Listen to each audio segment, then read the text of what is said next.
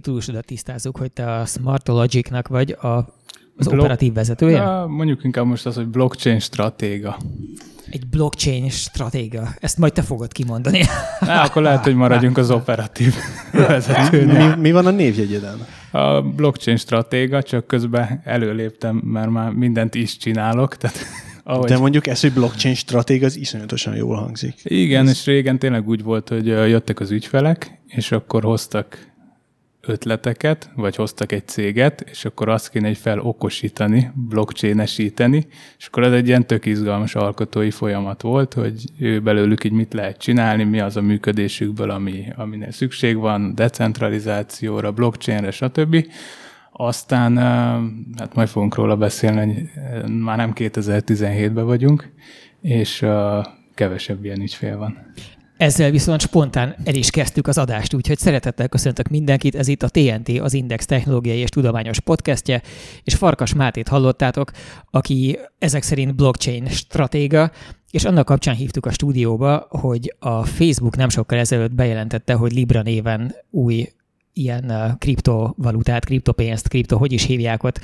De ugye index olvasóként és szerzőként mi csak a kriptokommunistákra tudunk asszociálni, tehát nem nagyon vagyunk képben ezzel viszont szeretnénk mélyebbre merülni, és itt van Hanula Zsolt, aki az Indexnél ennek a témának a, a feldolgozásával foglalkozott már mondhatjuk, hogy viszonylag sokat. Erről ugye annyit kell tudni, hogy az Indexen én írtam először a, a bitcoinról, és ez nem tudom én, nagyon sok évvel ezelőtt volt, 12 dollár volt az árfolyam, én megírtam, hogy ez egy totális hülyeség az egész, össze fog omlani, nincs jövője, és egészen pontosan 100 ezer százalékot növekedett a következő két évben az árfolyam. Én ennyire értek hozzá. Hát amiből még csak annyit tudunk, hogy te lehet, hogy a jövőbe látsz, csak nem tudjuk pontosan, hogy melyik időszeletét észlelted a jövőnek. Tehát lehet, én is, én is ilyen, ilyenekkel szoktam nyugtatni saját magamat. Igen. Én pedig Bazsó Gábor vagyok, és a műsorvezetésen kívül az a funkcióm, hogy én legyek az az ember, aki belemel állni abba a hálátlan szerepbe, hogy felvállalja az ezzel kapcsolatos bizonytalanságait és ostobaságait.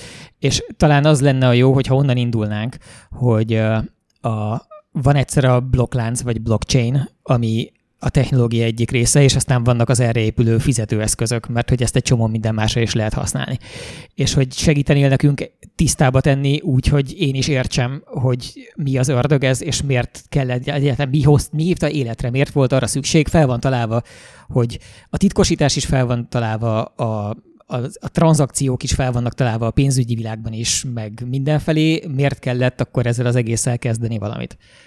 Hát először is köszönöm a meghívást. A jó, hálátlan témával sikerült indítani, tehát a, a miért az, az, az egy eléggé olyan kérdés, ami, amilyen bölcsészeknek való, mint amilyen én is vagyok uh, eredetileg, és uh, hát mindenféle társadalmi problémáink vannak, meg a, a pénzeszközökkel kapcsolatban nagyon sok uh, kritikával élünk, Úgyhogy azt gondolom, hogy ahogy nagyon sok kritika fölmerült a, a társadalmi, meg pénzügyi berendezkedésünkkel kapcsolatban, hogy várható volt, hogy megjelennek különböző megoldások is. De itt most arra kell gondolni, hogy a, a gonosz kaftános bankárok azok elveszik a kis embereknek a megtakarításait, vagy ennél valamivel szofisztikáltabb természetű nehézségek?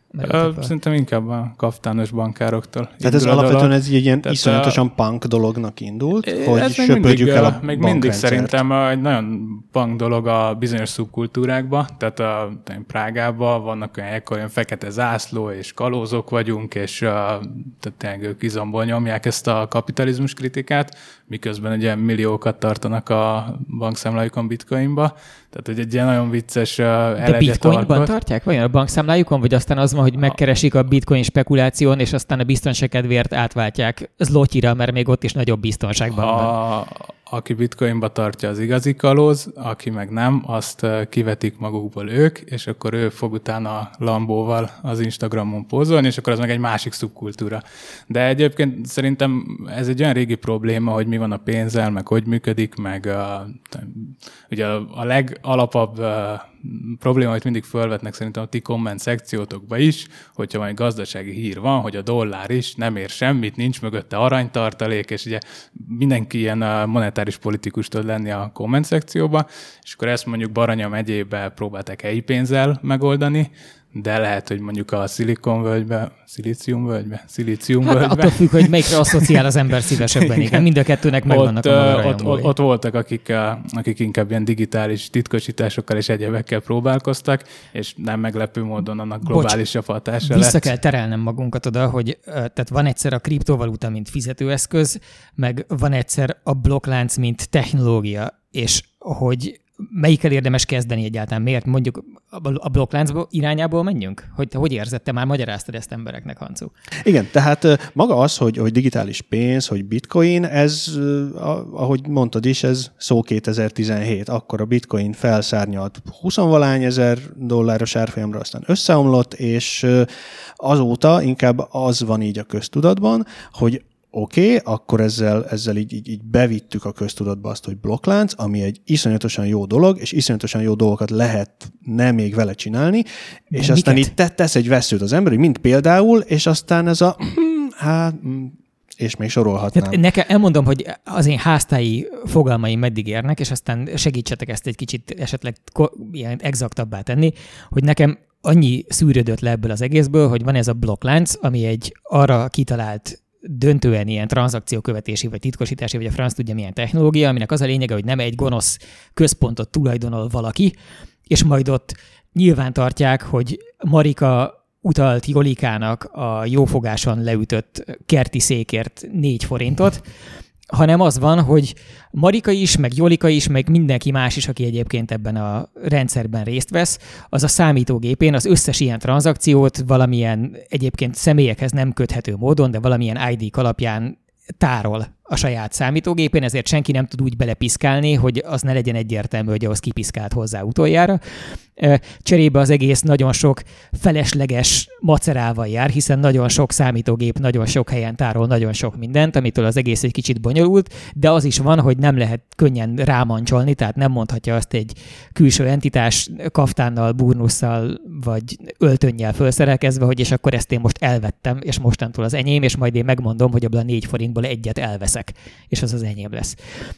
Én, nekem ez csapódott le ebből, de tökre lehet, hogy ez az egész nem passzol.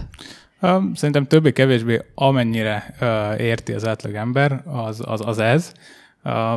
Én inkább onnan támadnék, hogy a, hogyan szokták ezt a legegyszerűbben elmagyarázni, azt én még amikor így emészgettem ezt a, hogy 21 millió darab bitcoin van, és akkor véges számú, és nehezedik a bányászat, és hogy már így minden volt a fejembe, akkor a Szabó Dávid alapkezelőnek a blogján olvastam, hogy egy mikronéziai szigetvilágban volt egy törzs, akik kővel kereskedtek, ez talán az Indexen is egyébként megjelent, mert szerintem blogolt nálatok, és, és kővel kereskedtek, és minden este vagy hetente összegyűlt a törzs, és megbeszélték, hogy akkor kinek hány ilyen köve van, és hogy van, és akkor ez volt gyakorlatilag a blokklánc.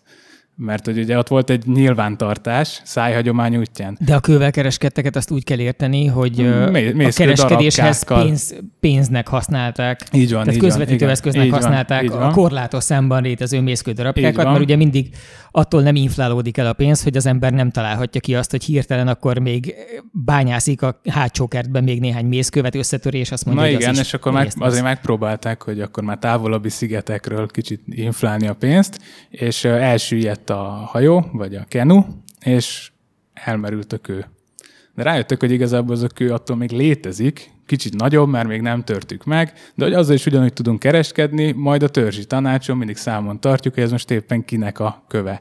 Tehát és ahelyett, uh, hogy, hogy úgy fizettek volna a helyi, nem tudom én, kisboltban, hogy odaadja két követ a kifliért, egyszerűen megjegyezték, hogy akkor neked mostantól két kővel többet van, nekem van. meg kevesebben. Az ott a víz alján, az a tudod, az a jó nagy kő, aminek kicsit hegyes az oldala, na az mostantól akkor a tied. Hát ez ugyanolyan, mint amikor az ember annyira elmerült a kapitali per monopoli partiban, hogy elfogyott a játékpénz, de attól még egy olyan szegény ember blockchainjeként a kockás füzetben írja, hogy van még másik 19 ezer pengője. ezután van az, hogy a blockchainen ugye minden tranzakciót nyilván tartunk.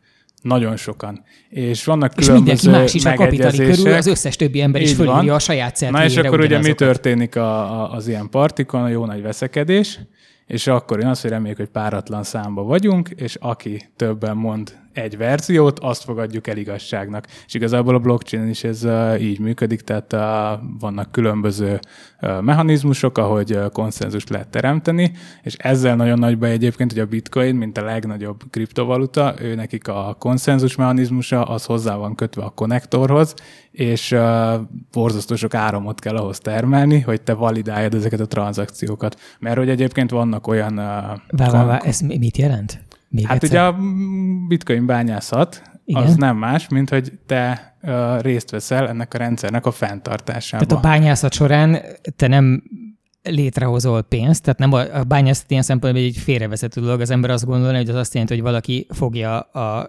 kis csákánykáját, De és gyakorlatilag pénzt is létre. Cserébe. Igen tehát, hogy te, te hozzájárulsz a saját gépednek a számítási kapacitásával ennek az egész titkosításnak, meg nem tudom én minek a fenntartásához, te cserébe kapsz bitcoint. Így van, ezek jutalmak gyakorlatilag. És mit csinál a számítógép akkor, amikor azt mondjuk, hogy bányászik? Tehát amikor ért, értem, hogy ilyenkor validál, tehát összehasonlít valamiket valamivel, ilyenkor az történik? Alapvetően nagyon nehéz kriptográfiai feladványokat fejt meg, amitől mondjuk még egy nagyon erős gép is nagyon meleg lesz, és uh, for, és szét akar esni, és uh, hát a validálásnál egyébként jobb szót most itt nem tudok Tehát hirtelen. a titkosításhoz szükséges, nagyon bonyolult matematikai műveleteket végez, 2000 jegyű számokat szoroz össze. Így van, és akkor ilyenkor jönnek a kritikusok, hogy kvantum számítógép, és akkor vége lesz a bitcoin őrületnek. Jó, megígérem, hogy tovább kell lépnünk, mert elveszítjük a világ összes uh, hallgatóját, de hogy maradjunk ott, hogy lelkes bitcoin felhasználó Jolika is és Marika is. És ezzel szemben a bitcoinról sosem halló korszerűtlen nyugdíjas Tibi bácsi és Laci bácsi, akik hagyományos úton intézik ezeket a dolgokat. És mind a ketten ugyanazt a tranzakciót hajtják végre, vásárolnak egy darab kerti széket ezer forint értékben. A bácsik esetében ugye az történik feltehetően, hogy az egyik mondjuk elutalja a másiknak a pénzt, hogy direkt a készpénzt hagyjuk ki ebből, de azt mondja, hogy az egyik, nem tudom, OTP-s, a másik erstés, és akkor az történik, hogy indít egy utalást, és az egyik embertől a másik embernek a bankszámlájára átmegy munkanapon belül négy óra alatt, azt hiszem körülbelül, és ebből egyrészt levonódik a tranzakciós illeték, amiből mindannyiunknak a legendásan magas színvonalú oktatási intézményeink és kórházaink épülnek és szépülnek, plusz a banknak a jutaléka, amiből a legendásan magas színvonalú banki szolgáltatások, illetve a székházaknak a platinával borított márványtermei épülnek és szépülnek, és a maradék az eljut ahhoz az emberhez, ami azt hiszem fordítva épül föl, tehát ő ezer forintot ténylegesen megkap, csak valójában tőlünk nem ezer vonódik le, Igen. hanem annyival több, amennyi az illetékek meg a banki. Hát azt majd a hó végén megfizeted nem? a banknak. Igen, igen, a, mindegy, ez most e- ebből a szempontból azt az a lé- Igen, tehát hogy most ez a lényeg, ez kevésbé fontos, de a lényeg az, hogy még a bank is jól jár, illetve most a, a, a jegybank és azon keresztül mi mindannyian is. Uh, amikor ez a kriptopénzek világában történik, és ugye, és bocsánat, és az egésznek a nyilvántartását azt a bankok végzik. Tehát a, a kibocsátónak a bankja is, aki utalt, meg akihez megérkezik is, ott minden bank lekönyveli az adott embernek a bankszámla egyenlegéhez ezt a tranzakciót. És azt hiszem, hogy a nagy különbség az az, hogy az egésznek a nyilvántartása az, az a kriptopénzek esetében nem az OTP és a Raiffeisen pincéjében levő számítógép farmokon történik, ahová csak az OTP meg a Raiffeisen rendszergazdái látnak be, hanem egy óriási hálózaton, amiben mindenki beleadja a saját gépének a számítási kapacitását, és tárolja a saját gépén ennek az óriási adatbázisnak egy icipici kis szeletkéjét. És akkor erre szoktam mondani, hogy gyakorlatilag a, ez a torrentezés csak megvadítva egy kis pénzzel, amit nem csak filmeket töltetünk, meg fájlokat le, hanem gyakorlatilag nagyon hasonló, hogyha megnézzük a hálózat fölépítését, hasonlóan épül föl a, a kriptovalutáknak a küldése is. Nyugdíjas pároknál tartottunk, tehát az egyiket azt értettük, a másiknál pedig az történik a Jolikáék viszonylatában, hogy ők bitcoin felhasználók, ez azzal kezdődik, hogy először mondjuk Jolika és Marika vásárol bitcoint forintért? E, vannak ilyen magyar váltók, igen. Igen, tehát akkor azzal kezdődik, hogy ha ők ezt bitcoinban szeretnék lebonyolítani a tranzakciót, akkor először is vesznek bitcoint az akkori árfolyamon. Igen. Mondjuk 1000 forintért vesz bitcoint. És utána azt a bitcoint el akarja juttatni a másik személynek, akitől vásárol, ami a bitcoin rendszerén belül történik valahogy, vagy erre van valamilyen van másik gyakorlatilag egy online, egy online tárcája, és abból el tudja utalni, tudna, tehát gyakorlatilag minden tárcának van egy private, meg egy public kulcsa, és azokon belül Uh, ugye a private-ot azt csak én tudom, a public-ot azt meg ti ketten is, és hogyha akartok nekem utalni, akkor megmondom, hogy mi az én public addressem, Ami és oda elutaljátok. ebben az analógiában a bankszámla szám. Így van, gyakorlatilag a bankszámla szám ez a public key, és uh, Joli néni Arankának? Hát, Arankán- fogjuk rá, igen. Arankának megmondja a public kit, és, és akkor ott elutalják. Egyébként ez olyan bonyolult volt mondjuk szerintem egészen egy évvel ezelőttig, hogy az élő ember nem lett volna hajlandó kertiszék uh, tranzakciókra használni. Most viszont már egyre több a felhasználóbarát dolog, de ne kalandozzunk ennyire. Mit profitált ebből a két képzett, digitálisan képzett nyugdíjas, hogy ezt ők bitcoinban bonyolították? Ők egyfelől azt profitálták, hogyha nem magyarok, hanem mondjuk venezuelaiak, hogy mondjuk biztosak voltak benne, hogy mire odaér a pénz, addig az még valamit fog érni. Lehet, hogy harmad annyit, vagy háromszor annyit, de valamit még fog érni. Tehát az, Tehát az az, az fejlődő érintett ország nemzeti valutájájának a hiperinflációja ellen véd.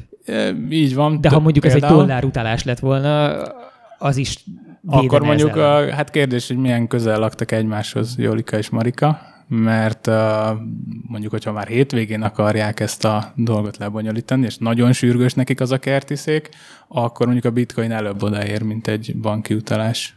És olcsóbb ez? Tehát kevesebb költség rakódik rá, mint amikor hagyományos bankok végzik ugyanezt? Alapvetően olcsóbb, aztán amikor mondjuk 17-ben volt ez a nagy bitcoin láz, akkor simán meg tudtuk azt csinálni, hogy én küldök neked pár dollárt, és fizetünk érte 20 dollár úgynevezett gáz költséget, tehát ilyenkor a gáznak nevezik ez a gyakorlatilag, ami hajtja, hogy A-ból B-be eljusson a, az a bitcoin. Tehát kell fizetni itt is egy validációs költséget. Ami lényegében egy tranzakciós illeték?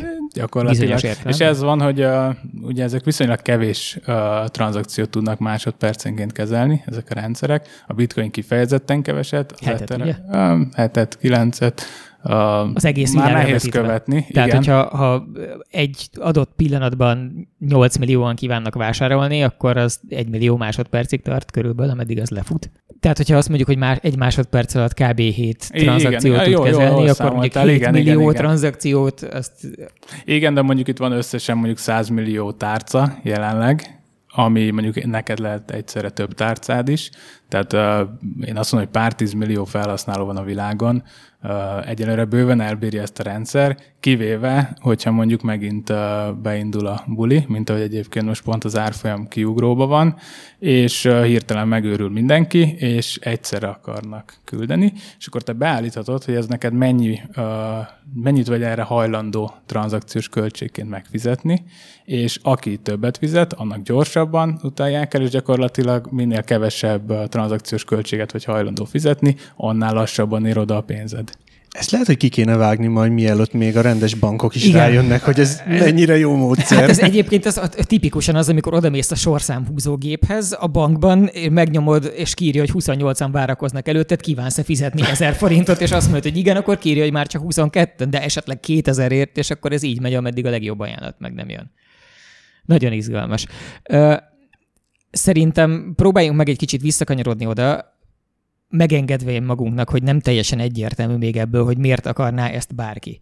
De hogy amikor a Facebook bejelenti, hogy ők bevezetnek egy ilyen jellegű rendszert, mint, a, mint amilyen a Libra, pénzestül, meg, meg pénztárcástól, meg mindenestől, ö, és ráadásul bejelentenek mellé egy ilyen nagy konzorciumot, vagy nem tudom, hogy ezt mennyire használhatjuk ezt a kifejezést ide, de hogy az lényeg, hogy sok másik vállalattal közösen vágtak ebbe bele, benne van a Mastercard, a Visa, tehát olyan egyébként is uh, ilyen jellegű szolgáltatásokkal foglalkozó nagy világcégek, amik valószínűleg valamilyen típusú hitelességet tudhatnak adni neki. A PayPal, talán az eBay. Igen, a Vodafone, Vodafone. nagyon nagy cégek. Borzalmasan, borzalmasan nagy cégekkel csinálják közösen, ami részben nyilván arról szól, hogy, hogy közvetlenül Mark Zucker- Zuckerbergnek szerintem senki sem szívesen adja már oda semmiét, hiszen nem bizonyult jó gazdának az esetek nagy részében. De nyilván az is benne van, hogy felismerték ezek a vállalatok, hogy ezt valamiért jó lesz nekik majd csinálni. És azok között, az okok között, amiket emlegettek, azok közül a, az egyik jól csengő az az volt, hogy egy csomó olyan ember, több mint egy milliárd vagy másfél milliárd olyan ember van, aki Facebook felhasználó, de nincs hagyományos banki szolgáltatásokhoz hozzáférése, mert mondjuk a fejlődő világnak egy olyan szegletében lakik, ahol a következő bankfiókig mondjuk gyalogolni kell 40 fokban 370 kilométert. Hát ha van bankfiók. Ha van, vagy egyáltalán föl sincs találva. Igen, hát ha ő egyáltalán hozzáfér, vagy. Tehát tényleg igen. itt a, azt mi nem tudjuk elképzelni, hogy a harmadik világban ez hogy működik, és ez az, ami, ami a Facebookot borzasztóan izgatja, hiszen hogyan tud egy vállalat növekedni, vagy új szolgáltatásokkal, vagy új földrajzi piacokkal, ők meg most két legyet egy, egy csapásra, és úgy meg is jelent azért a, a dollárjel a szemükbe azonnal. És emellett viszont azt állították, hogy ez olyan értelemben egy minden résztvevő számára haszonnal kecsegtető új fejlemény lesz, hogy a nemzetközi utalásoknak egy nagy része az a hazautalások műfaja, tehát amikor mondjuk Magyarországról a rosszabb megélhetés reményében nálunk egyébként rosszabb helyzetben lévő jellemzőek nyugat-európai vagy Egyesült Államokbeli országokba mennek nem is tudom, megélhetési kivándorlónak a bizonyos magyar állampolgárok, akik aztán hazaadják az itthon maradottaknak az ottani keresetüknek egy részét. És ugyanezt csinálják ugye nagyon sokan, a, a vendégmunkásság működteti Európa gazdaságának egy jelentős részét, és ezért ez a világ más táján is jellemző. És hogy ezek az utalások állítólag nagyon, nagyon drágák voltak eddig, és hogy ezt akkor majd sokkal olcsóbban kínálja majd pont a Libra jó fejségből? Igazából a, egyfelől itt most nagyon csábító, hogy átcsapjon az egész ilyen kocsmai hőbörgésben, mert nekem is nagyon megvannak az ellenérzéseim a Facebookkal kapcsolatban, és én sem nagyon bíznék rájuk pénzt.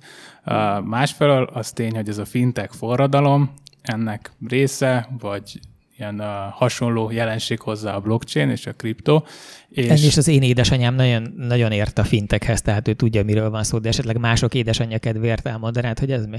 Financial Technologies, tehát gyakorlatilag ezek az új pénzügyi szolgáltatók, Revolut, TransferWise, ezekkel egyébként pont a korábban említett jelenségek miatt a legtöbb magyar már találkozott, így vagy úgy hazaküldeni pénzt jó árfolyamon, viszonylag gyorsan, viszonylag olcsón, és tele vannak az új digitális megoldásokkal a pénzügyi szektor, és ez az, ami a Facebookot már nagyon régóta izgatja. Ugye elindult már alapból ez a marketplace esedés felé, tehát hogy minél több termék legyen fönt, esetleg lehessen majd ott fizetni, és minél jobban oda szeretnék a digitális életünket szervezni a saját platformjukra, de azért ne nézzük vagy ne, ne hallgassuk el azt a tényt, hogy azért ez nem Mark Zuckerbergnek jutott először az eszébe, mert hogy már két ilyen kisebb, nagyobb social médiás cég ezzel megpróbálkozott. Egyfelől volt egy Kik nevű cég, lehet, hogy már hallottatok róla, inkább Nyugat-Európában, Amerikában népszerű chat szolgáltató. Be is vontak pár tízmillió, közel százmillió dollárt, és aztán rájuk is szállt az amerikai tőzsdefelügyelet, tehát nekik nem sült ez el annyira jól, de nagyon hasonló dolgot akartak, chatbe küldhetek neked pénzt bármikor, olcsón, saját blockchainjükön, nem tudom, hogy ez mivel jobb egyébként, mint egy bankon, és bocsánat, csak annyi még, hogy a Telegram, ami viszont azért jóval ismertebb, és ahol a Pavel Durov ügyvezető alapító azzal tudja magát így marketingelni, hogy ő Putyin elől elmenekült, és a világ legjobb chat szolgáltatását és a legtitkosítottabb chat szolgáltatását feltalálta, ő meg közel 3 milliárd dollárt gyűjtött össze arra, hogy ebből legyen egy Gram nevű kriptopénz, és ugyanúgy, hogy a bitcoin, vagy az Ethereum, ők is meg akarják csinálni a saját blockchainjüket, a saját kriptovalutájukat, és uh, ők egyébként most idei év végén indulnak el nyilvánosan.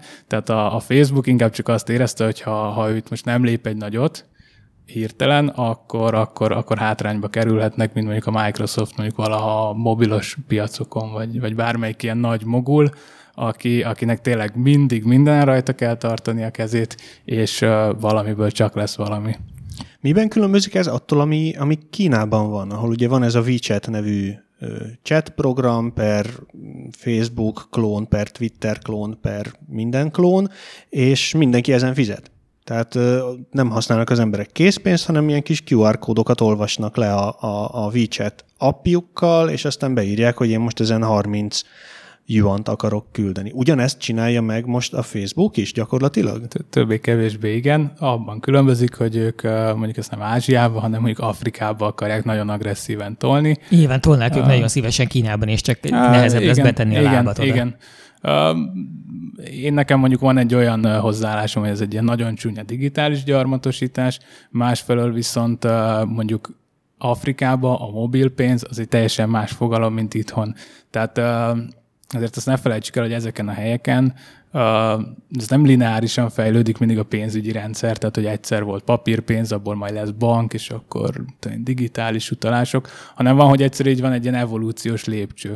És mondjuk, ahogy ott például lehet SMS-be pénzt küldeni, csomó afrikai piacon, úgy nekik most lehet, hogy ez izgalmasabb lesz uh, mondjuk valamilyen kriptovalutának tűnő projektben, már hogy egyébként a, a kemény vonalas kriptos blockchain-es közösség azért nem nézik jó szemmel ezt. Ez nem egy annyira demokratikus, decentralizált, közvetítő nélküli kriptovaluta, meg Mert mint a Libra. A Libra, a Libra. Mert hogy arról szól, hogy ők összeszednek egy... Hát egy száz, száz nagy száz multicéget, nagy így van. A Facebook azt állítja, hogy semmilyen szinten nem összekapcsolható majd a, a pénzügyi tranzakcióid a szociális tranzakcióid, vagy a szociális lábnyomoddal, ezt majd meglátjuk, hogy meddig, meg hogyan. Azt állítja egyébként a Facebook, hogy ő legfeljebb egy szavazati joggal, vagy egy százaléknyi erővel fog bírni a döntésekbe. Amit fontos jól definiálni, mert ugye szegény Facebookot pont azért nem nagyon lehet kontrollálni, mert a Zuckerbergnek van olyan részvénye, hogy igazából ha technikailag nincs is többségben, tulajdonosilag, de dönteni csak ő. Sajnos csak az övével lehet szavazni. De ez itt most nem így lesz állítólag. Állítólag nem, sőt, egészen biztos vagyok benne, hogy leírva ez egy nagyon tisztességes dolog lesz, csak igazából a Facebooknak, a, amit ők szeretnének, azt még nagyon sok más multicég is szeretné, és hogyha ők együtt akarnak valami olyat, ami egyébként a, a, a világ jobbítását nem feltétlenül szolgálja, akkor nekünk teljesen mindegy, hogy ezt a Facebook egy részvényel szavazza meg, vagy még 52 másik barát, vagy a másik partnerével. Hát a WeChat az azért tök félelmetes Kínában, mert ők egyrészt ugye mindent tudnak rólad, mint egy Facebook, mert te önként mindent megadsz magadról, meg figyelik, hogy hova klikkelsz, mit lájkolsz, stb. És emellett még a összes pénzügyi tranzakciódat is ismerik. Pontosan tudják, hogy, hogy hány kiflit veszel a boltban, meg milyen sört iszol este, melyik kocsmában, stb a Facebook ugyan erre akar most rámenni, hogy ezzel, hogy minden, vagy hát elég sok pénzügyi tranzakciódat is megismeri, még többet tudjon rólad, és ezzel ő még jobban tudjon neked majd reklámokat küldeni? Hát most lehet, hogy ezzel nagyon rossz indulatúak vagyunk, ha ezt feltételezzük. Én kér, ha, nem ha, állítom, kérdezem. Ha én lennék a, a Facebook vezérigazgató, akkor valószínűleg ezt szeretném elérni. Nyilván ez lépésről lépésre lehet. Nekik egyébként szerintem az is ilyen középtávú célnak pont elég, hogyha ők lesznek a digitális valutáknak, vagy ezeknek a kriptovalutáknak a, az amerikai dollárja. Tehát, hogyha azt mondjuk, hogy én bitcoint küldök, de te valami tök mást akarsz, akkor ezt a Librán keresztül, és hogyha ők lesznek, a, a, ami így egyesíti a, a, a valutákat, és amit mindenhol elfogadnak, akkor ez az Zuckerberg nagyon boldog lesz, és az már egy éppen akkora piac, hogy ez a Libra projekt, ez, ez, ez működni fog. De ha jól értem, az eredeti elképzelés szerint annyi van, hogy ez nem az övék. Tehát, hogy a Facebook, a Facebook hozta létre azt az ernyő szervezetet, amiben most be lehet szállni, amiben a beszállástól kezdve viszont a Facebook nem nagyobb tulajdonosa, mint az összes többi szereplő majd. És a dolognak a funkciója az részben az, most én direkt a jó hiszemű értelmezést mondom, de hogy a jó hiszemű értelmezés szerint inkább arról szól, hogy be tudják kötni egyáltalán az emberiségnek egy részét a digitális tranzakciókba, vagy kínáljanak nekik egy olyan értelemben jobb alternatívát, hogy egy csomó helyen a most létezők azok vagy valamilyen erős, ennél egyébként átláthatatlanabb és nyomasztóbb kontroll alatt vannak, mert ez abban a, ha abban a formában valósul meg, ahogy bejelentették a Librát, akkor ez egy valóban a mi fogalmaink szerint elég tisztességesnek tűnő és viszonylag transzparensnek tűnő modell. Nyilván nem olyan fantasztikusan bázisdemokratikusan szabadságharcos, mint az igazi blockchain technológiás mondjuk bitcoin, Cserébe viszont az is van, hogy az árfolyama az nem fog 10 százalékokat ingadozni néhány éven belül, mert az árfolyama kötött lesz.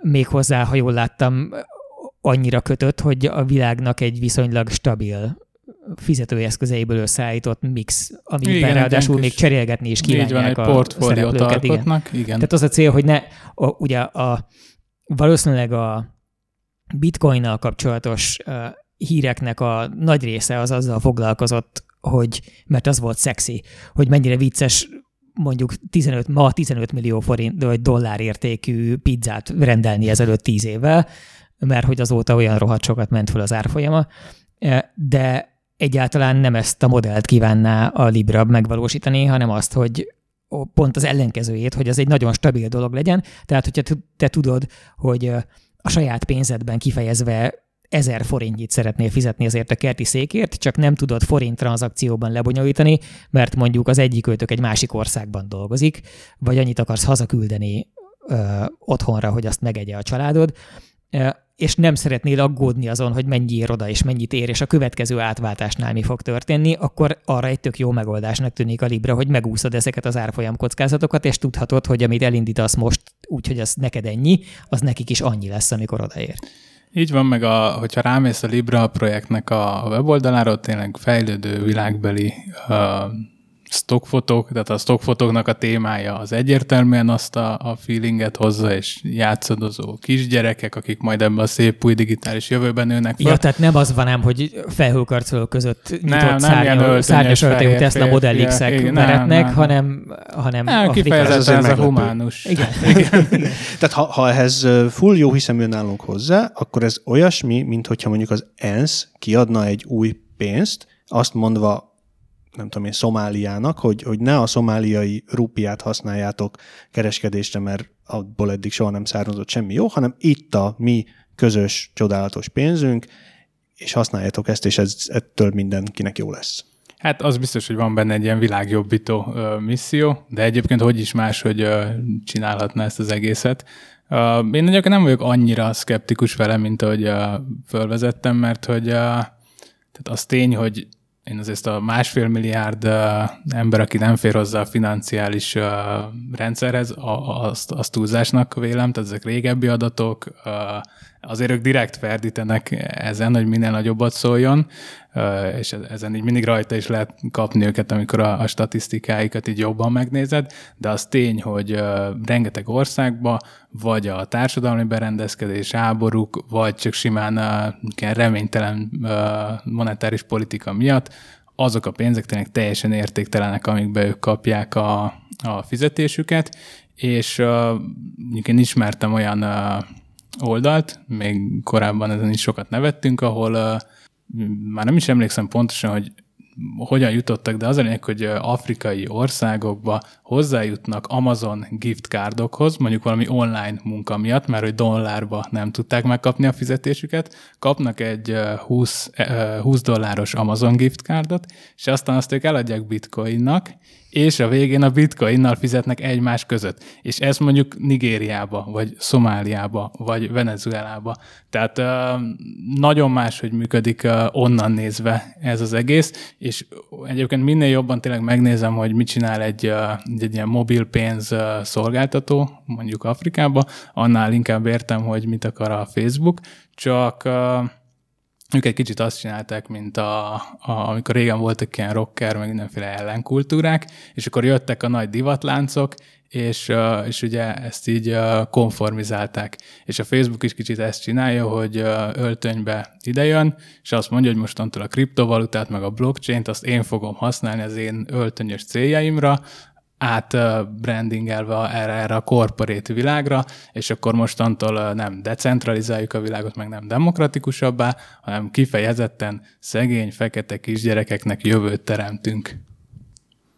De közben, ha nem a cinikus értelmezését nézzük ennek, hanem megpróbáljuk készpénznek tekinteni, hú, micsoda szörnyű képzavar, de hogyha készpénznek veszük a, a bevezetés körüli ígéreteket, akkor milyen előnyöket kínálhat ez mondjuk nem a harmadik világban, hanem az itteniben. Tehát nyilván, ha a Facebook belevezet egy ilyet, és mellé áll az a sok rohadt nagy cég, amelyik még mellé áll, akkor fölmerül, hogy nem csak a karmájuk tisztítása érdekében csinálják ezt, és nem is feltétlenül csak azért, hogy mindenkit megkopasszanak, hanem azért, mert azt feltételezik, hogy ténylegesen abban az értelemben segít a világnak, hogy egy olyan jellegű funkciót fog tudni jobban ellátni, amit jelenleg nem lát, el, nem lát el elég jól valaki vagy valami.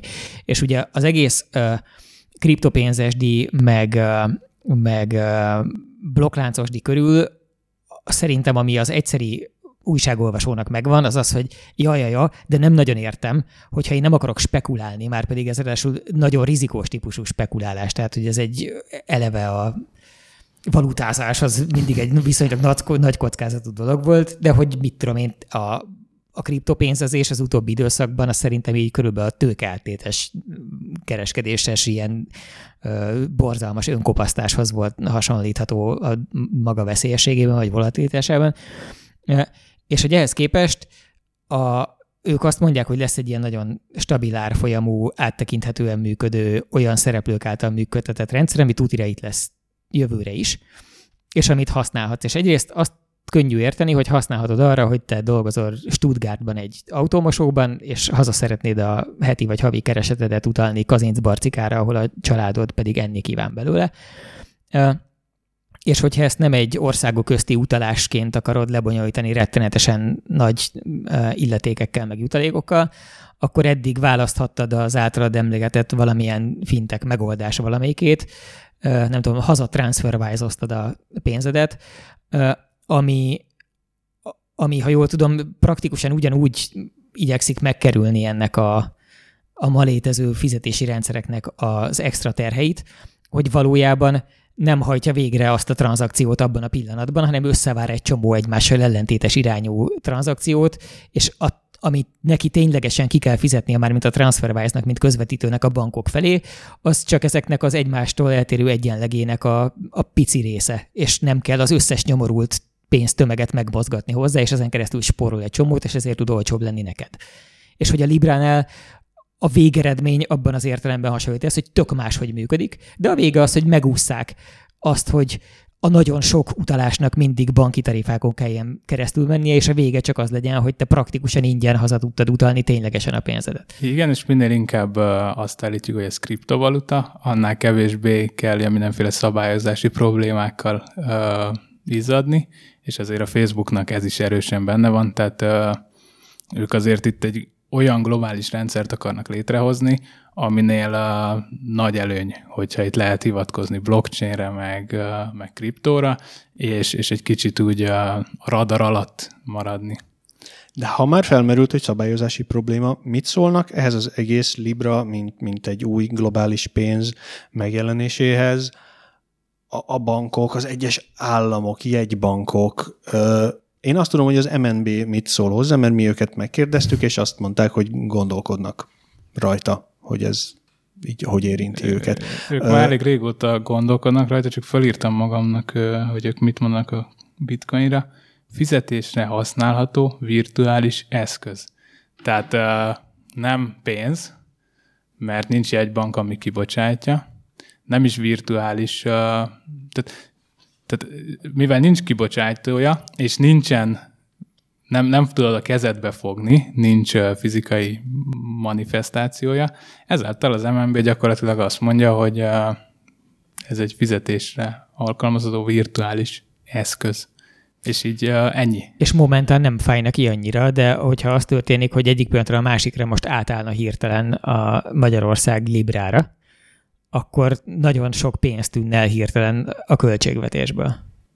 Hát akkor foglalkoznának vele. És egy csomó másik költségvetésből. És a másik, ami engem még eh, ehhez hasonló módon foglalkoztat, És egyébként volt az, csak hogy... még annyi, hogy igen? pont ezért én azt gondolom, hogy az egymás közt küldözgetjük a pénzt, az jól fog működni, akár ezzel a Librával, akár ha majd egy kicsit úgy kiegyenesednek az árfolyamok, mármint vízszintesen, és nem így a lineárisan fölfele vagy lefele. Viszont szerintem az, azért a jegybankok, meg, meg a bankrendszer mindig is erősen próbálni fogja nyomni, hogy mondjuk boltok például ne fogadjanak el olyan könnyen kriptovalutákat. Tehát amíg lehet, ők ennek nagyon ellenkezni fognak, és a Libránál is én ezt gondolom, hogy még mindig inkább úgy tudom elképzelni, hogy én küldök Tanzániából uh, Londonba, vagy visszafele pénzt, mint sem, hogy Tanzániába a kisboltba egyenesen azzal fizetek, és majd aztán a kisboltos abba fizeti az adót. Tehát valamikor az biztos, hogy, hogy annak tanzán lírává, vagy bármivé kell alakulnia nem fogják, tehát ez azért úgy nem működhet, mint a, a dollár, hogy a világ minden pontján többé-kevésbé elfogadják. De egyszerűen azért, mert ugye ezt maguk az államok nem hagyják, Igen. mert akkor kikerül a kezükből egy csomó ilyen, nem tudom én, jegybanki alapkamat negyed százalékos emelése, amitől a gazdaság majd bukfencet vet, és hasonló eszközök. Hát az igen, akkor a, gyakorlatilag néhány gombottal vezérlő nem működne onnantól.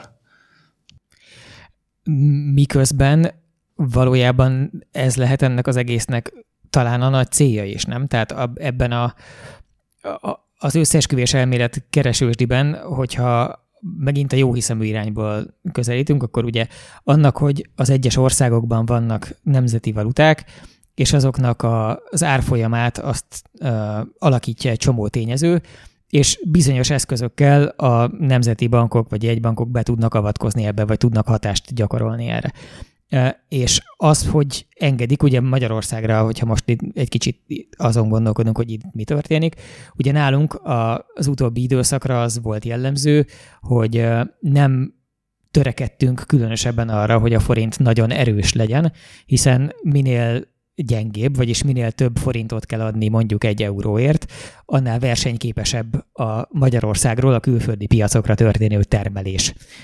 És mint minden, ez is sokkal bonyolultabb ennél, és valójában nem egyértelmű, hogy ezzel jól vagy rosszul járunk, és mennyi időn keresztül, és milyen időtávban, de hogy mindenképpen van egy ilyen eszköz és az egyszeri polgárnak pedig ez azt is jelenti, hogy az, az, hogy ő milyen pénzben tartja például a megtakarításait, vagy milyen pénzben kapja a fizetését, az mindenképpen jelent egyfajta kockázatot. Ezt a leginkább ugye a saját bőrünkről a devizahitelesek tudták megtanulni, akik fölvettek a saját fogalmaik szerint 10 millió forintnyi hitelt a házukra, amit viszont nem forintban vettek föl, hanem mondjuk euróban vagy ilyenben, és aztán kiderült, hogy amikor az a pénz esetleg többet ér, a miénk meg esetleg kevesebbet, akkor hirtelen nem 10 millió forinttal tartoznak, hanem 28-al.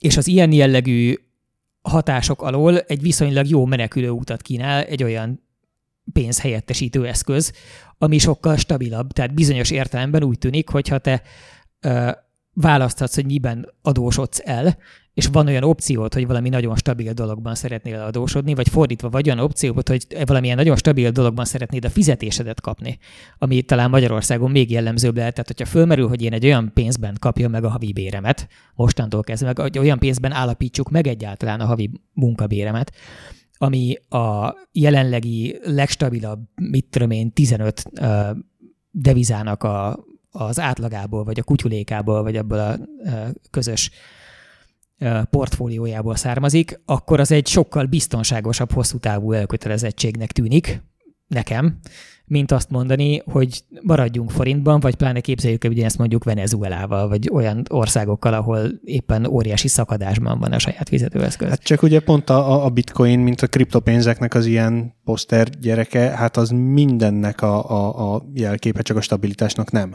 Igen, csak ugye a bitcoin pont abban különbözik, hogy a bitcoin mögött nincsen egy olyan sem vágy, sem rendszer, ami stabilan kívánná tartani az árfolyamát, hanem az egy nagyon spekulatív Hát van, van egyébként egy olyan uh, elképzelés, hogy a véges számú bitcoin bányászható, tehát ha majd egyszer 2020 valahányra kibányásszuk az összeset, akkor ez a 21 millió darab bitcoin, ez úgy többé-kevésbé beállítja a bitcoin árát. Csak most ott tartunk egyébként, hogy mondjuk a, ha a legnagyobb blockchaineket nézem, tehát Ethereum, Bitcoin, ezeknek a, az egész infrastruktúrájában nincs pár tízmillió felhasználó. Tehát összesen van mondjuk 100 millió tárca nyitva, de mondom, egy embernek több tárcája is lehet. Tehát azt képzeljük el, hogy amikor a, a Facebooknak nem volt még 100 millió felhasználója se, az ilyen 2007-8 lehetett. Tehát, hogy körülbelül ott tartunk, ha ezt egy ilyen forradalomként, és nem csak egy egyszerű spekulációként képzeljük el. Az meg, hogy a, a Libra ugye hosszú távon stabil tud maradni, az biztos, hogy mivel egy mesterségesen létrehozott, kevésbé demokratikus rendszerről van szó, az biztos, hogy, a, hogy ők stabilan tudják tartani, csak az a kérdés... Hát továbbá nem a kereslet csak... és kínálat törvényei szabályozzák az árfolyamot, tehát igazából ez a rész az érdekes, hogy a blockchain valójában nem azért olyan pokolian, mármint a, a bitcoin, nem azért olyan pokolian volatilis, mert mert hirtelen valakinek kifordult egy rohadt nagy bitcoin rög Igen. a csákányozás során, és ezért hirtelen sok került a piacra, és ettől olcsó lett, hanem attól, hogy milyen spekulatív hullámok kicsit az is, éppen. Kicsit az is, mert hogy amikor nagyon sokan kezdenek bányászni, akkor, akkor megtörténhet, hogy pont ezért túl kínálat lesz. Tehát uh, nagyon sok mindent kell annak figyelni, aki, aki erre akar fogadni, hogy most a bitcoin föl meg lefele megy, és aztán általában ott találja magát, mint egy szerencsejátékos. Tehát mindig utólag tudjuk megmagyarázni, hogy mi miért történt, de pont még itt az adás előtt beszéltük, hogy még most ez a legújabb bitcoin uh, kitörés, most például 12.500 dollár körül van az árfolyam. Ez egy ilyen tök jó gyakorlat, hogy a hallgatók is nézzék meg, hogy amikor hallgatják ezt az adást, akkor uh, hol áll éppen a bitcoin. Uh, én például most nem mernék jósolni, hogy lejjebb vagy följebb, uh, és, és pont ezért uh, ilyenkor például figyeljük azt, hogy, uh, hogy hányan bányásznak éppen. Megrendelnek egy csomó bányászgépet, akkor azonnal például hatása van a, a, a piacra, mert hogy tudjuk, hogy akkor uh, akkor nagyon sok uh, új bitcoin fog a piacra ömleni. És vannak ilyen másodlagos hatások, hogyha elindul a bitcoin fölfelé, akkor elindul az Nvidia is fölfelé, hogy a videókártyagyártó cégek részvényét húzza magával, mert Meg akkor a bányászni. pulzus a gamereknek elindul igen. fölfelé szintén. Igen. Uh, illetve hát az, az nagyon érdekes, hogy a bitcoin is egyébként a, a legtöbben egy ilyen stable coinon keresztül, tehát egyébként hasonló, mint a Libra, uh, egy úgynevezett Tetheren uh, keresztül uh, vásárolnak, ami pedig a dollárhoz dollárhoz van kötve. Ezt például megint csak egy olyan valuta, aminek a spekulációjára nem lehet játszani, mert hogy többé-kevésbé ez mindig egy dollár kell, hogy legyen, meg lehet nézni az árfolyamát, nem lehet úgy beállítani semmit, hogy mindig pont annyit érjen, de azért mindig visszaleng egy dollár köré. És ezt a tetert, ezt megint csak előállítják, és például, hogyha látjuk, hogy megint kiadtak 600 ezer tetert, akkor tudjuk, hogy ebből hamarosan valaki valamit venni fog, mert hogy ez másra nem való, csak hogy valamilyen kriptovalutát vásároljon. És azért, hogy ez egy olyan összetett rendszer, és annyi hatás van rá, hogy nem olyan régen még simán egy újsághír, az meg tudta rántani az árfolyamot fölfele vagy lefele. Egy április elsői tréfa, az mínusz 2000 dollár tudott csinálni az árfolyamba. Most már sokkal inkább az van, hogy, hogy tényleg spekuláció az egész, Aha. Most már sokkal inkább az van, hogy, hogy, hogy átment egy ilyen spekulatív piacba, és, és mondjuk bitcoin bányászni te már otthon nem fogsz, és abból megélni nem fogsz, és abból egzisztenciát nem fogsz csinálni, sőt, ha fogadni kéne, akkor ha most vásárolsz bitcoint, akkor annak az árfolyam növekedéséből mondjuk két év múlva nem lesz egy ilyen hatalmas vagyonod, de mondjuk megtöbbszörözöd, ha optimisták vagyunk. Tehát ez, ez a vadnyugat, amikor az volt, hogy egy hét alatt 3000 dollárt nőtt az árfolyam, aztán a következő hét alatt 4000-et csökkent, ennek tulajdonképpen vége? Á, azért azt nem mondanám. Tehát most pont ott vagyunk, hogy egy hét alatt több ezer dollárt nőtt, aztán már mindenki azt várja, hogy megint csökkenni fog, hogy aztán a 20 ezret is újra áttörje.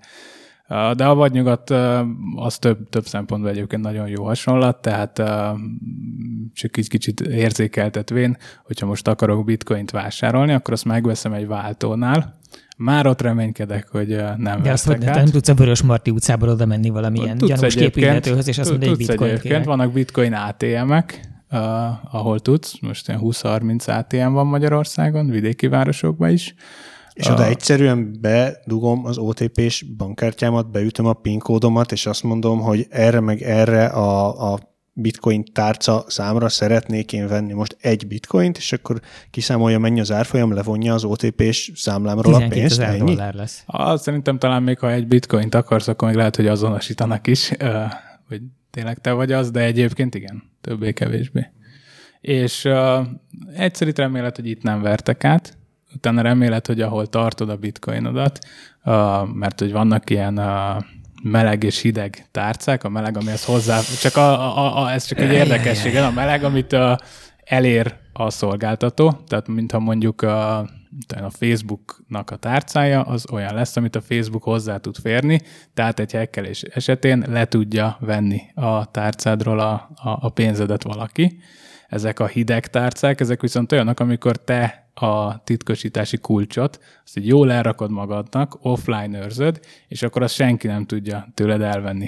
Akkor még mindig ott vagyunk, tényleg a, a vadnyugat továbbra is megvan, tehát egyfelől remélet, hogy a, ha a bankban van, akkor remélet, hogy a bankot nem rabolják ki, ha nálad van, akkor remélet, hogy A nem veszted el, B téged nem rabolnak ki, tehát valami trükkel mondjuk nem tudja valaki visszaállítani, vagy a, a gépedről ezt lelesni, vagy fizikálisan, tehát vannak akár ilyen kis pendrive pendrive-nak megfelelő ilyen kis trezorok, és azt mondjuk nem lopják el tőled. Ha utána kereskedni akarsz, akkor megint csak ilyen uh, kvázi online valutaváltók, vagy online tőzsdékre rakod fel a pénzedet. Ott megint csak kezdődik az egész előről, hogy elküldöd, kereskedsz, reméled, hogy amikor nyertél, vesztettél, akkor a, a, amikor ki akarod venni a pénzed, akkor visszakapod, mert hogy ezek ilyen szabályozatlan, mindenféle karib-tengeri cégeknél, tehát azért, hogy a, a vadnyugat az, az egy nagyon találó hasonlat, és annak még messze nincsen vége. Ami önmagában azt is kiválóan illusztrálja, hogy miért van értelme annak, hogy a Facebook ilyen nagyon nagyon nagy hírű, régóta piacon lévő, stabil, mindenki által ismert nagy cégekkel szövetkezve próbál ebbe egy sokkal egyszerűbb, ilyen értelemben sokkal könnyebben megérthető módon beszállni. Tehát, hogy azokra a dolgokra, amikről te beszéltél, azok ilyen nagyon kellemes, ilyen andalító, zsongító, de zenének nagyon jó volt, de hogy én a 72%-át abban az értelemben nem értem, hogy fel tudom fogni a logikáját, hogy kb. mi értelme van, de hogy biztos, hogy soha a büdös életben nem akarnék én ebbe abban az értelemben beszállni, hogy nem akarnám, hogy az életem és az, hogy mit eszem mennyiért, az ezen folyjon keresztül. Az viszont, ami most látszólag jönni próbál például a Librából, ami az, hogy kb. ugyanazok a cégek, amiken amúgy is keresztül megy az embernek az összes digitális ügyintézése. Tehát, hogyha most eddig az történt, hogy nem tudom, vettem valamit az eBay-ről, vagy az Amazonról, amit kifizettem úgy, hogy a PayPal-on át utaltam, ami, kere, ami ismeri az én, nem tudom, Mastercardos eh, bankkártyámat, és a, a mögött pedig ott van egy bankszámla, amit meg valamelyik magyar pénzintézet eh, üzemeltet, hogy egy ennek minden elemét viszonylag könnyű megismerni, és ehhez képest most csak jön egy olyan entitás, amelyik azt mondja, hogy nem kell, hogy legyen bankszámlád, és azért fizes, meg nem kell, hogy legyen bankkártyád, és azért fizes, hanem az kell, hogy nálunk egyszer legyen egy fiókod, és onnantól ez a dolog működni fog, de ugyanúgy működni fog, mit csináljuk, stabil lesz az árfolyama, és legalább ha minket meghekkelnek, és elveszik a 2329 forintodat, amit itt tároltál, akkor esetleg mi visszaadjuk szemben azzal, amikor az ember, tehát nem hiszem, hogyha az országos betétbiztosítási alaphoz fordulnék azzal, hogy elvesztettem a bitcoin walletomat, a hideg walletomat, és volt benne három bitcoin, kérem vissza a 40 ezer dolláromat, akkor nem hiszem, hogy ne kergetnének el. Egyfelől igen, ez a, a szabályozottság, ami így nagyon bizsergető érzés, mert hogy hogyha még tovább mennénk blockchain vonalon, akkor tényleg vannak ilyen, hogy a digitális identitás a blockchainen, és nem is kell semmi más, csak egy tárca, amiben tárolom online minden adatomat, és, és ez mennyire jó ilyen kriptoanarchia lesz. Ez az egyik vége a, a, az ilyen szubkultúráknak, akik ebbe a kripto blockchain space-be megtalálhatóak. A másik vége meg egyébként úgy kicsit a, azt gondolom, hogy én is ide tartozom, aki jobb szeretem a biztonságot, meg, meg, meg tényleg a, azért, azért nekem, nekem jó érzést ad, a, amit mondtál például, hogy tudom, hogy a pénzem a, a helyén van, meg tudom, hogy nem inflálódik el, még akkor is, ha ebből esetleg az lesz, hogy nem is éri 15-szörösét egy év múlva.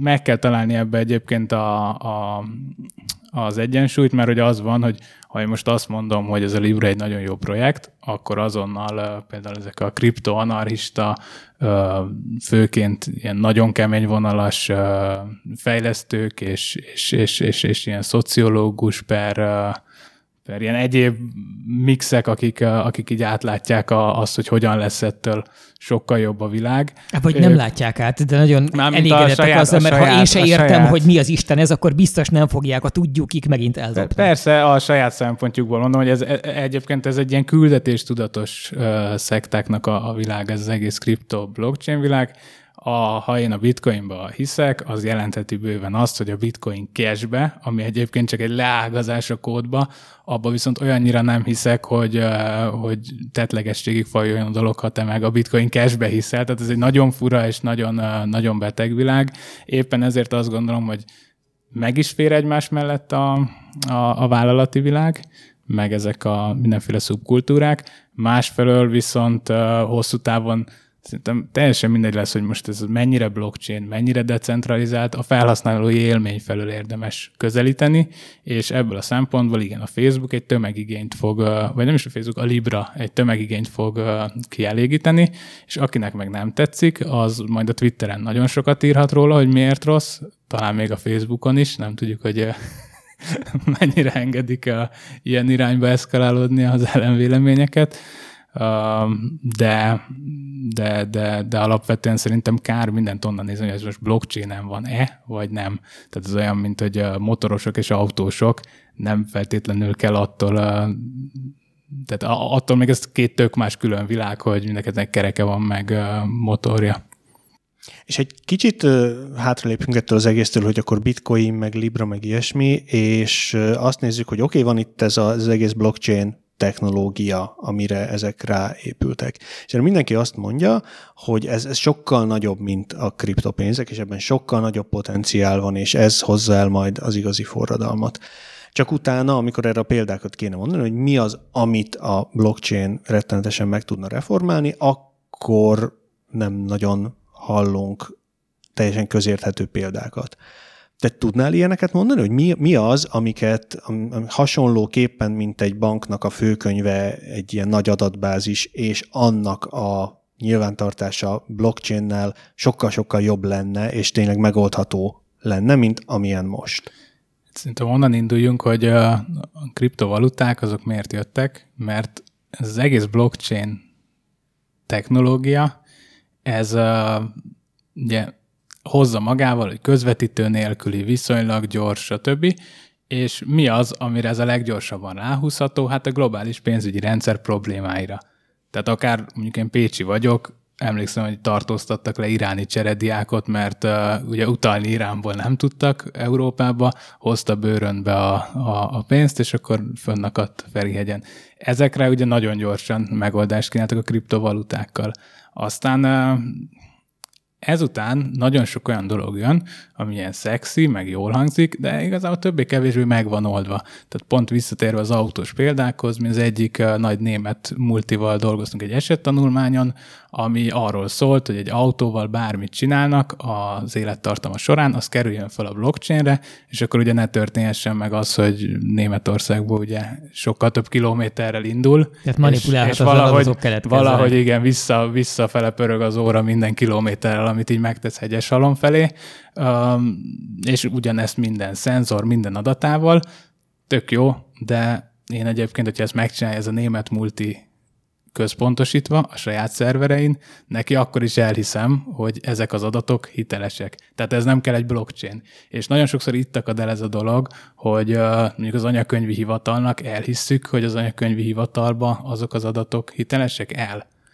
És uh, innentől vagyunk szerintem ott, hogy uh, nagyon sok mindent meg lehetne csinálni a blockchainen, lehet, hogy jobban, de már most is pont annyira jól működik itt Európában, Magyarországon, hogy uh, nincs az a, az a hegyes szög az oldalunkba, hogy, uh, hogy elfele toljon minket, még közben mondjuk Afrikába anyakönyvrendszert, adóügyi nyilvántartásokat, ilyeneket simán megcsinálnak a blockchainre, mert ott még előtte nem volt, és most mi a legkézenfekvőbb Várj, ezt most már csinálni. konkrétan jelen vagy múlt időben mondod, hogy ilyeneket megcsináltak Afrikában? Igen, akár hogy egy magyar, alapú... magyar közreműködéssel is.